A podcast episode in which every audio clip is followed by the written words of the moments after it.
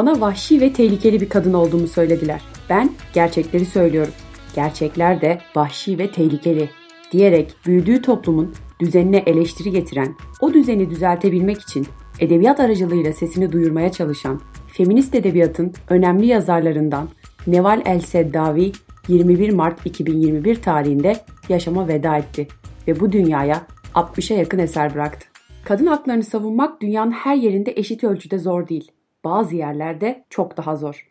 Ülkesi Mısır'dan sesini yükseltebilmiş olan yaşamı boyunca Arap toplumunda kadının konumunu eleştirel bir dille kaleme alan Neval El Seddavi'nin hikayesinin özellikle bu sebeple oldukça değerli olduğunu düşünüyorum. Hazırsanız kendisini daha yakından tanıyalım. Neval El Seddavi 27 Ekim 1931 tarihinde Nil Nehri kıyısındaki Kartahla köyünde doğuyor ve 9 çocuklu bir ailenin ikinci çocuğu olarak dünyaya geliyor. 6 yaşındayken kadın sünneti denen cinsel organ tahribatına maruz bırakılıyor. Tıbbi olmayan nedenlerle kadın üreme organlarının kısmen ya da tamamen çıkarılması anlamına gelen kadın sünneti özellikle Afrika, Asya ve Orta Doğu'nun bazı ülkelerinde hala daha uygulanmaya devam ediyor. Tüm çocuklarının eğitim alması konusunda ısrarcı olan Seddavi'nin babası Eğitim Bakanlığı'nda devlet memuru olarak çalışıyor. 1919 Mısır devrimi sırasında İngilizlere karşı mücadele eden isimler arasında yer alıyor. Bunun üzerine de Nil deltasında küçük bir kasabaya sürgün ediliyor ve devlet 10 yıl terfi vermeyerek kendisini cezalandırıyor. İleri görüşlü olarak tanımlanan baba özellikle kızına kendi benliğine saygı duyması konusunda sürekli öğütler veriyor. Seddavi'nin annesinin ve anne tarafından büyük annesinin de birçok kaynakta Osmanlı Türk kökenli olduğu söyleniyor. Ailesi Seddavi'yi 10 yaşındayken evlendirmeye çalışıyor. Fakat kendisinin güçlü bir direnişiyle karşılaşıyorlar. Bu dönemde annesi de ona destek oluyor. İlk romanını 13 yaşında yazan Seddavi küçük yaştan itibaren içinde bulunduğu toplumda erkek çocuklarının kız çocuklarından daha değerli görüldüğünü fark ediyor. Anneannesinin ona bir oğlan çocuğu 15 kıza bedeldir. Kız çocuğu yıkımdır dediğinde ayağını öfkeyle yere vurduğu söyleniyor. Aynı zamanda verdiği röportajlardan birinde ona en çok ilham veren kişinin babaannesi olduğunu söylüyor. Yaşadıkları köyün lideri olarak görülen babaannesinin güçlüce ve korkusuzca İngiliz sömürgeciliğine ve Kral Faruk'a karşı direnmesinden oldukça etkileniyor. Din ve politika gibi konularda da ilk derslerini karakterinden ve cesaretinden etkilendiği babaannesinden alıyor. Her iki ebeveyni de genç yaşta ölüyor ve bir bakıma ailenin tüm sorumluluğu kendisine kalıyor. 1955 yılında Kahire Üniversitesi'nin tıp fakültesinden mezun oluyor. O yıllarda tıp fakültesinde tanıştığı okul arkadaşı Ahmet Helmi ile evleniyor ve bir kız çocukları oluyor. Fakat bu evlilik sadece iki yıl sürüyor. Seddavi özellikle tıbbi uygulamalar aracılığıyla devam eden baskıcı kültürel uygulamalar, aterkil yapı, sınıfsal ve emperyalist baskının kadında yarattığı fiziksel ve psikolojik problemler üzerine çalışıyor. Ayrıca doğduğu yer olan Kartahla'da doktor olarak çalışırken taşra kadınlarının karşılaştığı zorluklar ve eşitsizlikler üzerine çeşitli gözlemler yapıyor. Bu yıllarda yine oldukça kısa süren ikinci evliliğini gerçekleştiriyor. Hastalarından birini aile içi şiddete karşı koruma mücadelesi verirken Kahire'ye geri çağrılıyor ve Halk Sağlığı Bakanlığı'na müdür oluyor. Sağlık Bakanlığı'nda çalıştığı dönemde Şerif Heteta ile tanışıyor. Seddavi'nin yakın çalışma arkadaşlarından biri olan Heteta hem doktorluk hem de yazarlık yapıyor. Seddavi ve Heteta 1964 yılında evleniyorlar ve bir erkek çocukları oluyor. 43 yıl süren evlilikleri 2010 yılında boşanmayla sonuçlanıyor. 1972'de Seddavi'nin ilk kitabı Kadın ve Seks yayınlanıyor.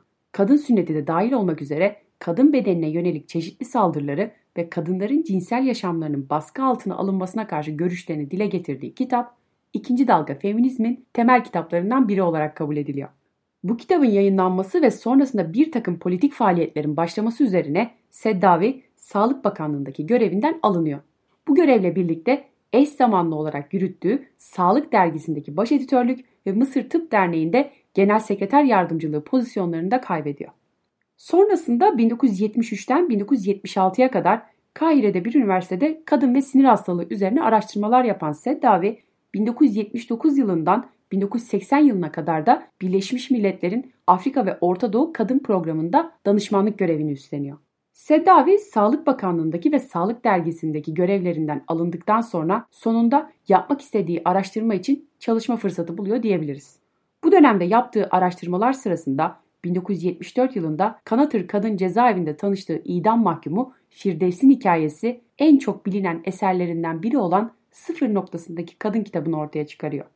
Psikiyatrist olarak gittiği cezaevinde tanıştığı Firdevs'in hikayesini korkunç yine de harikulade bir öyküydü bu şeklinde ifade ediyor. 1975 yılında yayınlanan ve dünya çapında milyonlar tarafından okunan kitaptan birkaç alıntıyı da sizlere okumak istiyorum. Geçmişimde çocukluğumda kayda değer bir şey yoktu. Ne aşk ne de başka bir şey. Bu yüzden benim söylediğim her şey gelecekle ilgiliydi. Çünkü gelecek istediğim renklerle boyamak üzere hala benimdi. Özgürce karar vermek, istersem değiştirmek üzere hala benim. Erkekler kadının değerini bilemez Firdevs. Kendi değerini belirleyen kadındır. Niçin anneler kızlarının erkeklerle aynı olduğunu farkına varmıyorlar ya da erkekler kadınları kendi eşitleri ve hayat ortakları olarak görmüyorlardı? Niçin toplum bir kadına bedenini olduğu kadar zihnini de kullanarak normal bir hayat sürme hakkı tanımıyordu? 1977 yılında Seddavi'nin bir diğer kitabı olan Havva'nın Gizli Yüzü yayınlanıyor. Bu kitabıyla kadın sünnetine karşı mücadelesini sürdürmeye devam ediyor. Bunun kadınları baskı altında tutmanın araçlarından biri olduğunu savunuyor. Aynı zamanda köylerde doktorluk yaparken karşılaştığı cinsel suistimal, taciz vakaları ve namus cinayetleriyle fuhuşu da anlatıyor. Kitap kendisine yönelik tepkilerin büyümesine yol açıyor. 1981 yılında Çatışma adlı feminist bir derginin yayınlanmasına yardımcı olan Seddavi, Mısır hükümeti tarafından münakaşacı ve tehlikeli biri olarak görülmeye başlanıyor. Hükümetin kendisine yönelik görüşünün sonuçlarından biri de dönemin Mısır Cumhurbaşkanı Enver Sedat'ın kendisini tutuklatması oluyor. Seddavi yıllar sonra verdiği bir röportajda dönemi şu sözleriyle anlatıyor. Sedat'a inandığım için tutuklandım. Kendisi bu ülkede demokrasi olduğunu, çok partili bir sistem olduğunu ve eleştiri getirebileceğimizi söyledi. Ben de onun politikalarını eleştirdim ve hapse girdim. Seddavi'nin sözde demokrasi olarak tanımladığı dönemde hapse girmesi kadınların yaşadıkları zulme karşı mücadele etmesini engellemiyor ve hapiste olduğu dönemde bile çalışmalarını sürdürmeye devam ediyor. Bu dönemde Mısır'daki ilk yasal ve bağımsız feminist derneği olarak Arap Kadınları Dayanışma Derneği'nin kurulmasına öncülük ediyor. Hapishane yönetimine ilettiği kalem ve kağıt talebi reddedilse de siyah kaş kalemi ve tuvalet kağıdı rulolarını düşüncelerini kayıt altına almak için kullanmaya devam ediyor. Cumhurbaşkanı Enver Sedat'ın suikaste uğrayarak öldürülmesinden bir ay sonra Seddavi serbest bırakılıyor. Bir kalem alıp yazmaya başladığımdan beri tehlike hayatımın bir parçası oldu. Yalan söylenen bir dünyada hiçbir şey gerçekten daha tehlikeli değildir diyen Seddavi'nin hapis hatıraları 1983 yılında kadın hapishanesinden hatıralar adıyla yayınlanıyor. 1988 yılında aldığı ölüm tehditleri nedeniyle Mısır'dan çıkmak zorunda kalıyor ve Amerika Birleşik Devletleri'nde sürgün hayatı yaşamaya başlıyor. Washington Üniversitesi ve Duke Üniversitesi'nde Asya ve Avrupa Dilleri bölümünde ders vermeyi kabul ediyor. Harvard, Yale, Columbia, Georgetown olmak üzere birçok tanınmış kolej ve üniversitede de çalışmalarını sürdürmeye devam ediyor. 1996 yılında Mısır'a geri dönüyor. 2004 yılında Avrupa Konseyi tarafından verilen Kuzey-Güney ödülüne layık görülüyor. Aynı yıl seçimlerde devlet başkanlığına adaylığını koyuyor. 2011 yılında Hüsnü Mübarek yönetimine karşı sokaklara dökülenlerle birlikte Tahrir Meydanı'nda yürüyor. Eylül 2018'de İsveç'te düzenlenen kitap fuarında Arap Baharı'nın ardından Mısır ve Orta Doğu'da kalkınma konulu bir seminere katılan Seddavi, etkinlikte yaptığı konuşmada sömürgeci, kapitalist, emperyalist, Amerika Birleşik Devletleri önderliğindeki ırkçı küresel güçler 2011 Mısır devrimini sona erdirmek için Mısır hükümetiyle işbirliği yaptı diyor. Arapça yazmakla beraber sömürgeci, kapitalist, ırkçı ve ataerkil süper güçleri eleştirdiğim için dünyadaki büyük edebi güçler tarafından umursanmıyorum diyerek de eserlerinin İngilizce ve Fransızca çevirilerinde yaşanan problemlere işaret ediyor. Londra'daki yayıncısı Khadija Sesey, insanoğlunla siyaseten her zaman hemfikir olmayabilir. Ama bana en çok yazdıkları, ulaştığı başarı ve bunun kadınlar için anlamı ilham veriyor. Özellikle de Afrikalı bir kadınsanız, beyaz olmayan bir kadınsanız onun yazdıklarından etkilenmeniz kaçınılmaz diyor.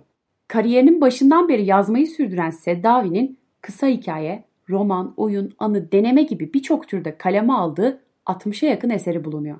Sıfır noktasındaki kadın, kadının cennette yeri yok, Kaire saçlarımı geri ver, petrol diyarında aşk, şeytanın masumiyeti adlı kitapları Türkçe'ye çevriliyor. Eserleri dünya çapında 40'tan fazla dile çevrilerek birçok okuyucuya ulaşıyor.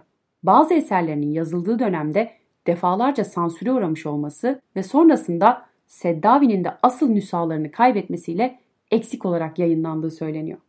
Kariyeri boyunca birçok ödüle ve fahri doktoraya layık gösterilen Seddavi çeşitli senelerde Time dergisinin ve BBC'nin yılın 100 kadın listesine giriyor.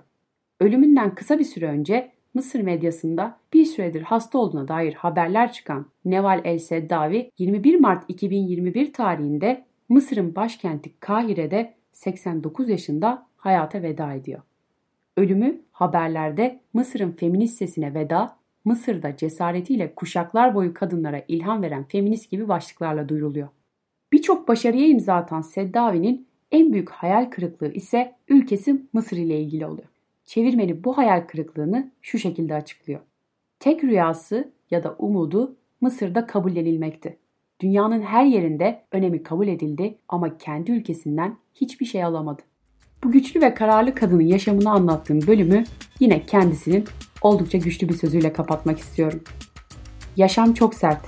Gerçekten yaşayanlar yalnızca ondan daha sert olanlardır. Beni dinlediğiniz için teşekkür ederim. Bir sonraki bölümde görüşmek üzere.